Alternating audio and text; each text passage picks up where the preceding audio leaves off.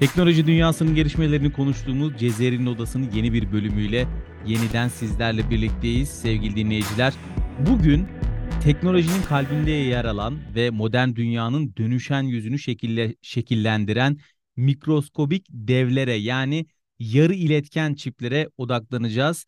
Özellikle bu anlamda e, dünyanın önde gelen üreticileri ABD ve Çin arasında yoğunlaşan çip rekabetini masaya yatıracağız bu iki dev üretici diyeyim daha doğrusu teknolojik üstünlük için bir yarış içerisinde ve peki bu yarışın perde arkasında neler var? Hangi yenilikler, hangi stratejiler e, ve bizi bekleyen bir potansiyel kriz var mı? İşte bu soruların cevaplarını ve çok daha fazlasını bu podcast'te konuşacağız. Ee, yine teknoloji muhabiri arkadaşlarım Kadir Günyol ve Tolga Yanık bizlerle birlikte. Arkadaşlar hoş geldiniz. Hoş bulduk. Hoş bulduk. Şimdi ABD ve Çin arasındaki çip rekabeti son yıllarda teknolojiyi ve hatta ekonomi gündemini de büyük ölçüde meşgul ediyor. E, bu iki süper gücün bu alandaki rekabeti küresel tedarik zincirlerinden aslında ulusal güvenliğe kadar birçok alanda etkili oluyor. E, bunun için e, son gelişmeleri konuşacağız. Ben şöyle e, kısaca bir e, ön giriş yaptım e, 2021 itibarıyla aslında bildiğimiz gibi e, çip üretiminde en önemli merkezlerden birisi Tayvan. Tayvan'ın TSMC e, firması ve yine Güney Kore merkezli Samsung firması da e, yarı yarı iletken e, üretiminde aslında lider konumda ve Çin hükümeti de e, yarı iletken üretiminde 2025 yılına kadar kendi sınırları içerisinde büyük ölçüde bağımsız hale getirmenin planlarını yapıyor. E, bununla alakalı da ABD tarafında yarı iletken tasarımında işte Qualcomm gibi, Nvidia gibi, AMD gibi lider konumda olan e, markalar var. Fakat üretim konusunda tabii ki Asya'daki rakiplerinin gerisinde. Bununla alakalı gelişmeleri önce e, son çıkan bir haber var. Daha doğrusu Kadir'in yapmış olduğu son bir haber vardı. Önce ondan dinleyelim. Ee, evet Sefa sen de aslında çok güzel özetledin başında konuşmanın. Şöyle bu çekişmenin biraz başlangıcına gitmek istiyorum. Ee, ABD öncelikle Çin'in bu gücünü kırmak için Hollanda ve Japonya ile bir anlaşma yaptı. Ve daha doğrusu şöyle söyleyeyim. Hollanda'daki anlaşma çok daha önemliydi. Çünkü Hollanda'da bir şirket var. ASML. Bu şirket e, çok önemli bir şirket. Çok fazla duyulmadı. Son dönemde gündeme geldi ama çip üretiminde kullanılan makinelerin parçalarını üretiyor. Yani dünyada tek şirket ve dünyanın bu anlamda en önemli şirketiydi. Bu şirket Çin'e ürün satışlarında kısıtlamaya gitti. Tabii bunun üzerinde Çin'de çip yapımında kullanılan galyum ve germanyumun en büyük e, sahibi Çin. Çin'de 1 Ağustos itibariyle yani geçtiğimiz hafta e, bu ürünlerde kısıtlamaya gitti. Amerika'ya karşı özellikle. Tabii bu karşılıklı hamleler sonucunda şöyle bir tablo var aslında önümüzde. Şimdi çipin, çip üretiminin %75'i Doğu Asya'da yapılıyor. Az önce sen bahsettin. Tayvan, Güney Kore ve Japonya çok ön plana çıkıyor. Çip üretiminde kullanılan makinelere parçalar üreten firma ise Hollanda'da. Bu da çok önemli bir e, yapıda bulunuyor. Ve dünyada en büyük çip e, üreticilerinden birkaçı da Amerika Birleşik Devletleri'nde bulunuyor. Şimdi bu denklemde e, hepsi aslında çok güçlü. Yani Çin'e çok güçlü. Ham maddeleri elinde bulunduruyor. E, Avrupa tarafı da güçlü. Amerika tarafı da güçlü. Dolayısıyla karşılıklı bir e, ambargo olayı var. Karşılıklı bir kısıtlama var. E, bu kısıtlamanın sonucu ne olur? Bence şöyle olur. Eğer gerçekten bu kısıtlamalar büyük oranda yapılırsa yine e, dünyanın üretimine çok büyük bir zarara dokunur. Çünkü e, hepsi aslında birbirini tamamlayan parçalar olarak düşünüyorum ben.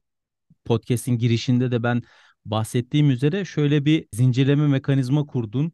Benim anladığım kadarıyla Çin ham madde üretiyor, Hollanda parçaları üretiyor, ABD de bunları hepsini tasarlayan ve e, dünyaya sunan markaları e, oluşturuyor. E, buradaki denklemde e, aslında bir yandan da e, tabii ki Tayvan'ı da e, özellikle üretici olarak da Tayvan'daki TSMC'yi de e, göz ardı etmemek lazım ki piyasayı domine eden firma o. Şimdi burada biz pandemi döneminde çok büyük bir sıkıntı yaşamıştık çip anlamında özellikle otomotiv sektöründe otomotiv sektöründen sonra da tabii yine elektronik sektöründe elektronik eşyada çok büyük bir çip sıkıntısı yaşanmıştı ve bunlar aslında görüldüğü kadar bize yansımadı belki. Fakat bu ambargolar devam ederse buradaki yansıma nasıl olur Tolga? Sen nasıl yorumlarsın işin bu kısmını? E, tabii çip üretiminde ülkeler e, bu çok e, kritik bir güç. E, bu nedenle zaman zaman birbirlerinin e, üretimini aksatacak şekilde politika izleyebiliyorlar. Ama tabii mesela Avrupa'da bir araştırma var. Bu Avrupa'da çipe yönelik yani çip üretimini artırmaya yönelik bir e, metin var, bir yasa var. Bu Avrupa Komisyonu bünyesinde yürütülüyor. Bunların yaptığı bir araştırma var. Ve bu araştırmaya göre çip üretiminin sağlıklı bir yapıya kavuşması ve bu kriz dediğimiz ortamın bitmesinin en iyi ihtimalle 2024 sonunda gerçekleşeceği söyleniyor. E tabii burada çip e, fabrikası yatırımları da artmış durumda. Özellikle mesela geçen hafta işte bu hafta Kadir bahsetti Intel'in yatırımları. Onun dışında TSMC'nin mesela Almanya'daki işte 10 milyar avroluk yanlış hatırlamıyorsam bir yatırımı olacak. Mesela bu yatırımın çok ciddi bir kısmını Almanya hükümeti finanse edecek. Yani orada çok ciddi bir teşvik var. Çünkü e, bir hepimizin bildiği gibi Almanya otomotivde e, çok ciddi bir pazar ve otomotivdeki bu çip krizinin aşılması noktasında da TSMC'nin ve diğer firmaların e, Avrupa özelinde yaptığı yatırımları çok önemsiyorlar. E, Evet. bu bağlamda ben e, artan yatırımlarla birlikte e, tabii ki çip üretimi şu anki durumdan daha bir iyi bir noktaya varacaktır. Peki şimdi Kadir'e döneyim tekrar. ABD Başkanı Joe Biden da bir e, bununla alakalı bir duyuru yaptı. İşte özellikle bu konuda bir atılım yapacaklarını söyledi. ABD burada elini nasıl güçlendirecek?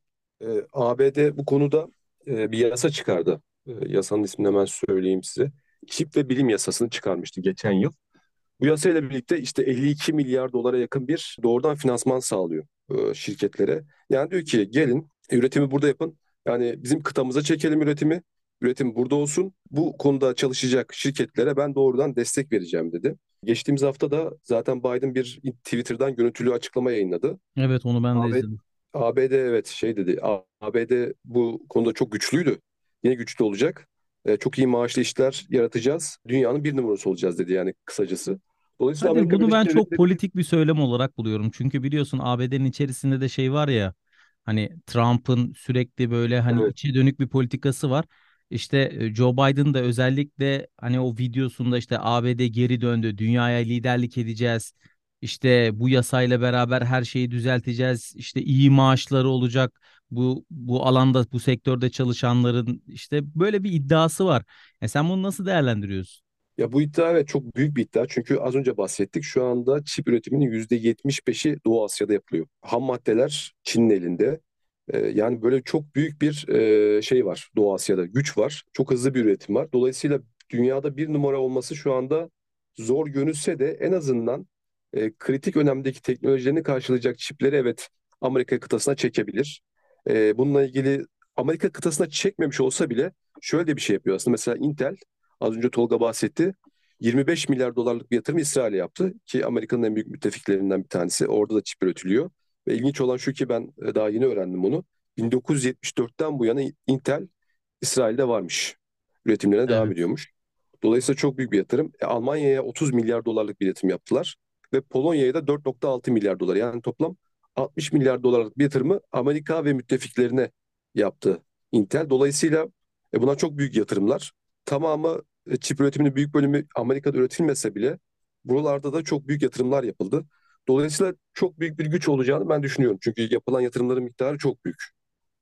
O zaman ben sizin huzurunuzda hemen soruyorum. Çip üretimiyle üretimi için daha doğrusu çip üretimi için gerekli olan ham maddeler e, hangi ülkelerde bulunuyor? ChatGPT'ye soruyorum şu anda. Bakalım ne cevap verecek. Çok e, önemsiyorum gerçekten ChatGPT'nin bununla alakalı da e, bilgilerini.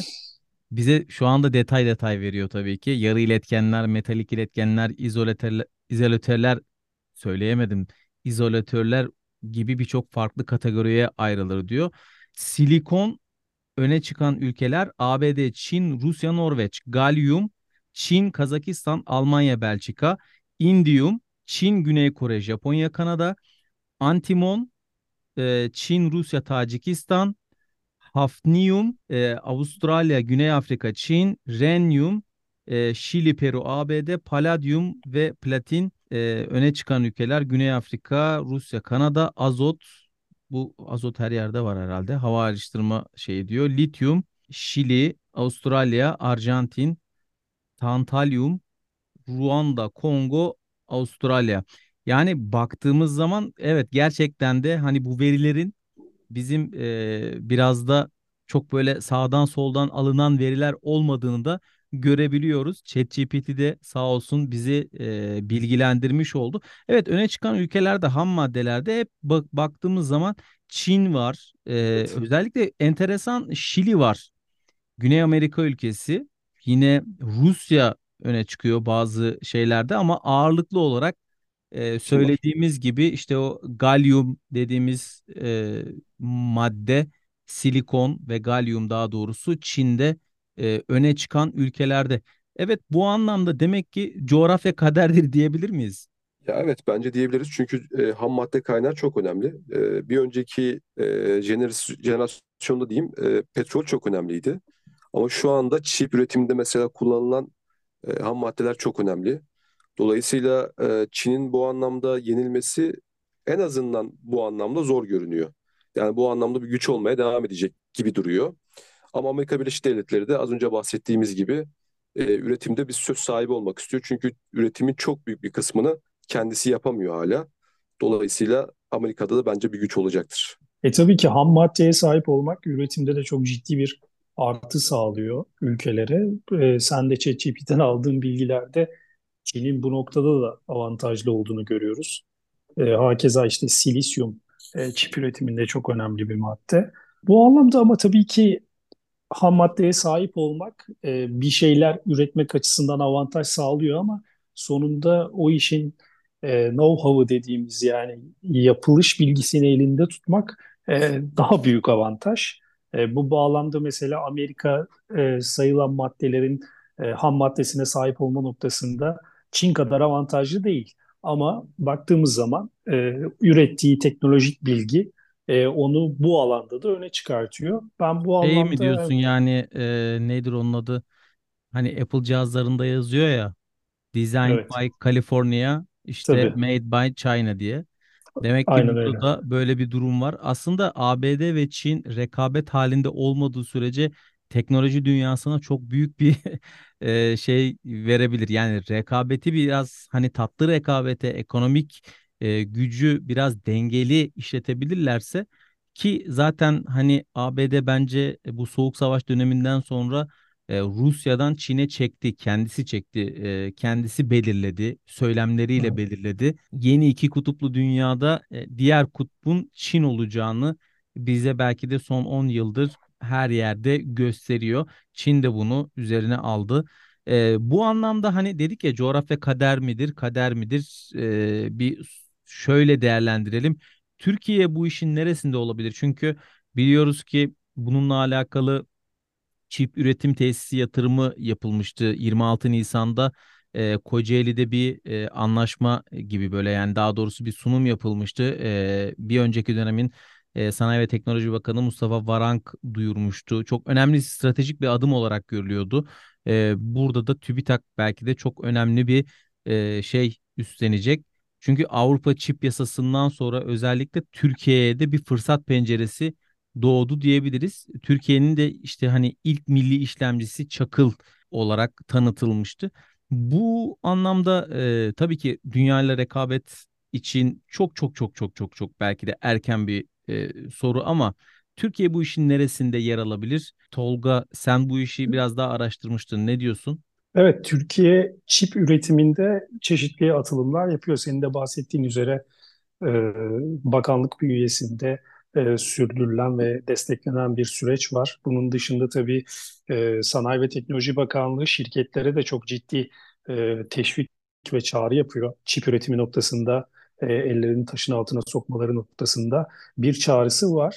E, şimdi Çakıl'dan bahsettiğin Çakıl'la ilgili mesela Mustafa Varank şöyle bir bilgi vermişti. Dedi ki e, bunu milli olarak bizim mühendislerimiz gerçekleştirdi. Fakat e, bunun üretimini biz Malezya'da yapabildik dedi. E, Türkiye'nin Malezya çip üretimi noktasında da çeşitli işte eğitimler e, verildi Malezya tarafından ve üretim noktasında da çeşitli destekler var. E tabii çip üretimi çok kolay bir süreç değil. Mesela çip dediğimiz zaman şeyi konuşmadık için nanometre e, çok önem taşıyor. Bugün e, nanometre küçüldükçe e, yani mesela Türkiye'nin çakıl işlemcisi 65 nanometre e, ve biraz büyük bir işlemci. E, bugün mesela IBM 2 nanometreyi konuşuyor e, ve onun üretimine yönelik e, atılımlar yapıyor. E tabii ki bir anda çok önemli bir e, veri yani. Evet bir anda 2 nanometre, 3 nanometre, 5 nanometre bunları üretmeniz mümkün değil. Ha, nanometre nasıl bir önem taşıyor? Dinleyicilerimiz kafasında şöyle şekillendirebilir. E, bir işlemcinin üzerine e, daha fazla transistör yerleştirerek daha güçlü bir işlemci e, oluşturuluyor. E, güçlü olmasının yanı sıra daha az enerji tüketiyor, daha az yer kaplıyor. Şimdi akıllı telefonları, tabletleri, bilgisayarları düşündüğümüz vakit e, sizin işlemciyi küçültmeniz demek, aynı zamanda işte soğutma sistemini de küçültmeniz demek, E, bilgisayarın daha hafif olması demek. E, bunun dışında farklı ürünlerde de böyle yansımaları var. E, Ama tabii Türkiye 65 nanometre ile e, bu sürece girmiş oldu.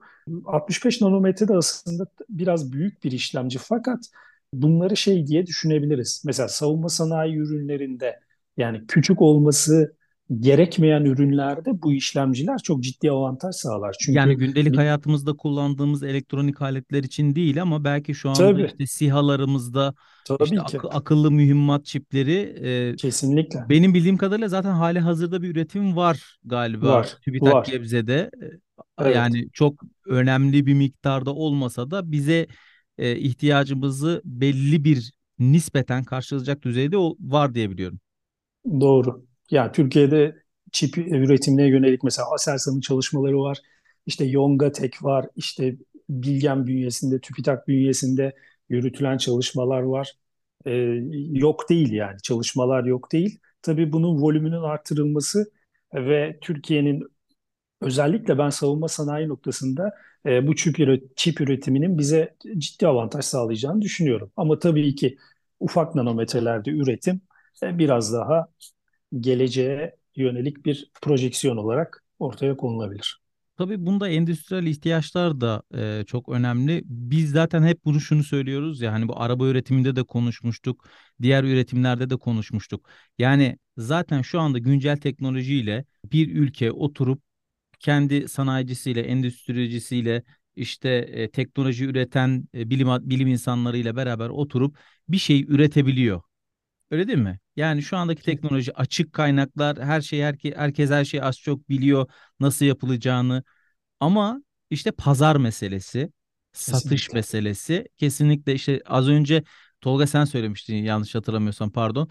E, üretiyorsun ham madde evet önemli ama bir de marka işte kim bunu birleştirecek de kim piyasaya satacak, hangi ürünlerle satılacak, hangi ürünlerle pazara sokulacak. Burada da bu çok önemli. Belki Türkiye'de de e, bu çipin e, etrafında bir teknoloji kümelenmesi gibi bir şey oluşursa kendi içimizde biraz e, bu anlamda üretimi volüm arttırılabilir. Senin de söylediğin gibi.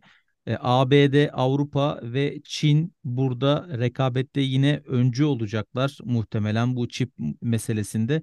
E, ama Avrupa Birliği temel anlamda biz de Avrupa Birliği'ne yakın bir ülke olduğumuz için, sınır komşumuz olduğu için de bence burada Türkiye için de çok önemli fırsatlar var. Zaten bunlardan da bahsettik. İnşallah e, teknoloji girişimcileri bu çip meselesine biraz daha önem verirler ve yatırımlarını biraz e, buraya doğru yönlendirirler. E, tabii ki biz Türkiye'de savunma sanayinde de başladığımız zaman belki dünyada e, çok büyük bir rekabet vardı bununla ilgili ama sanayicilerimiz e, tabii ki bununla ilgili bir yatırım yaptılar. Savunma sanayine yatırım yaptılar ve şu anda Türkiye savunma sanayinde çok önemli bir e, role büründü. Yine hakeza otomotiv sektöründe de bir ilk bir adım atıldı. İnşallah bundan sonraki dönemde de e, çok güzel şeyler olacağını hepimiz tabii ki yürekten inanıyoruz ve bunu da istiyoruz. E, ben bu çip konusunun da çok önemli olduğunu, sizin de söylediğiniz e, altını çizdiğiniz meselelerle birlikte çok önemli olduğunu tekrar tekrar e, e, hatırlatmak istiyorum. Bununla alakalı çip konusu, yapay zeka konusu bunlar tabii ki gelecekte bizim üretimimizi çok etkileyecek. Yavaş yavaş programı kapatıyoruz. Çok teşekkür ediyorum tekrardan. Ee, teknoloji dünyasının gelişmelerini konuştuğumuz Cezer'in Odası haftalık podcast'imize e, yine devam edeceğiz. Farklı konularla birlikte bizi hangi mecradan dinliyorsanız oradan abone olmayı unutmayın diyorum. Şimdilik bu programdan hepinize hoşçakalın diyorum.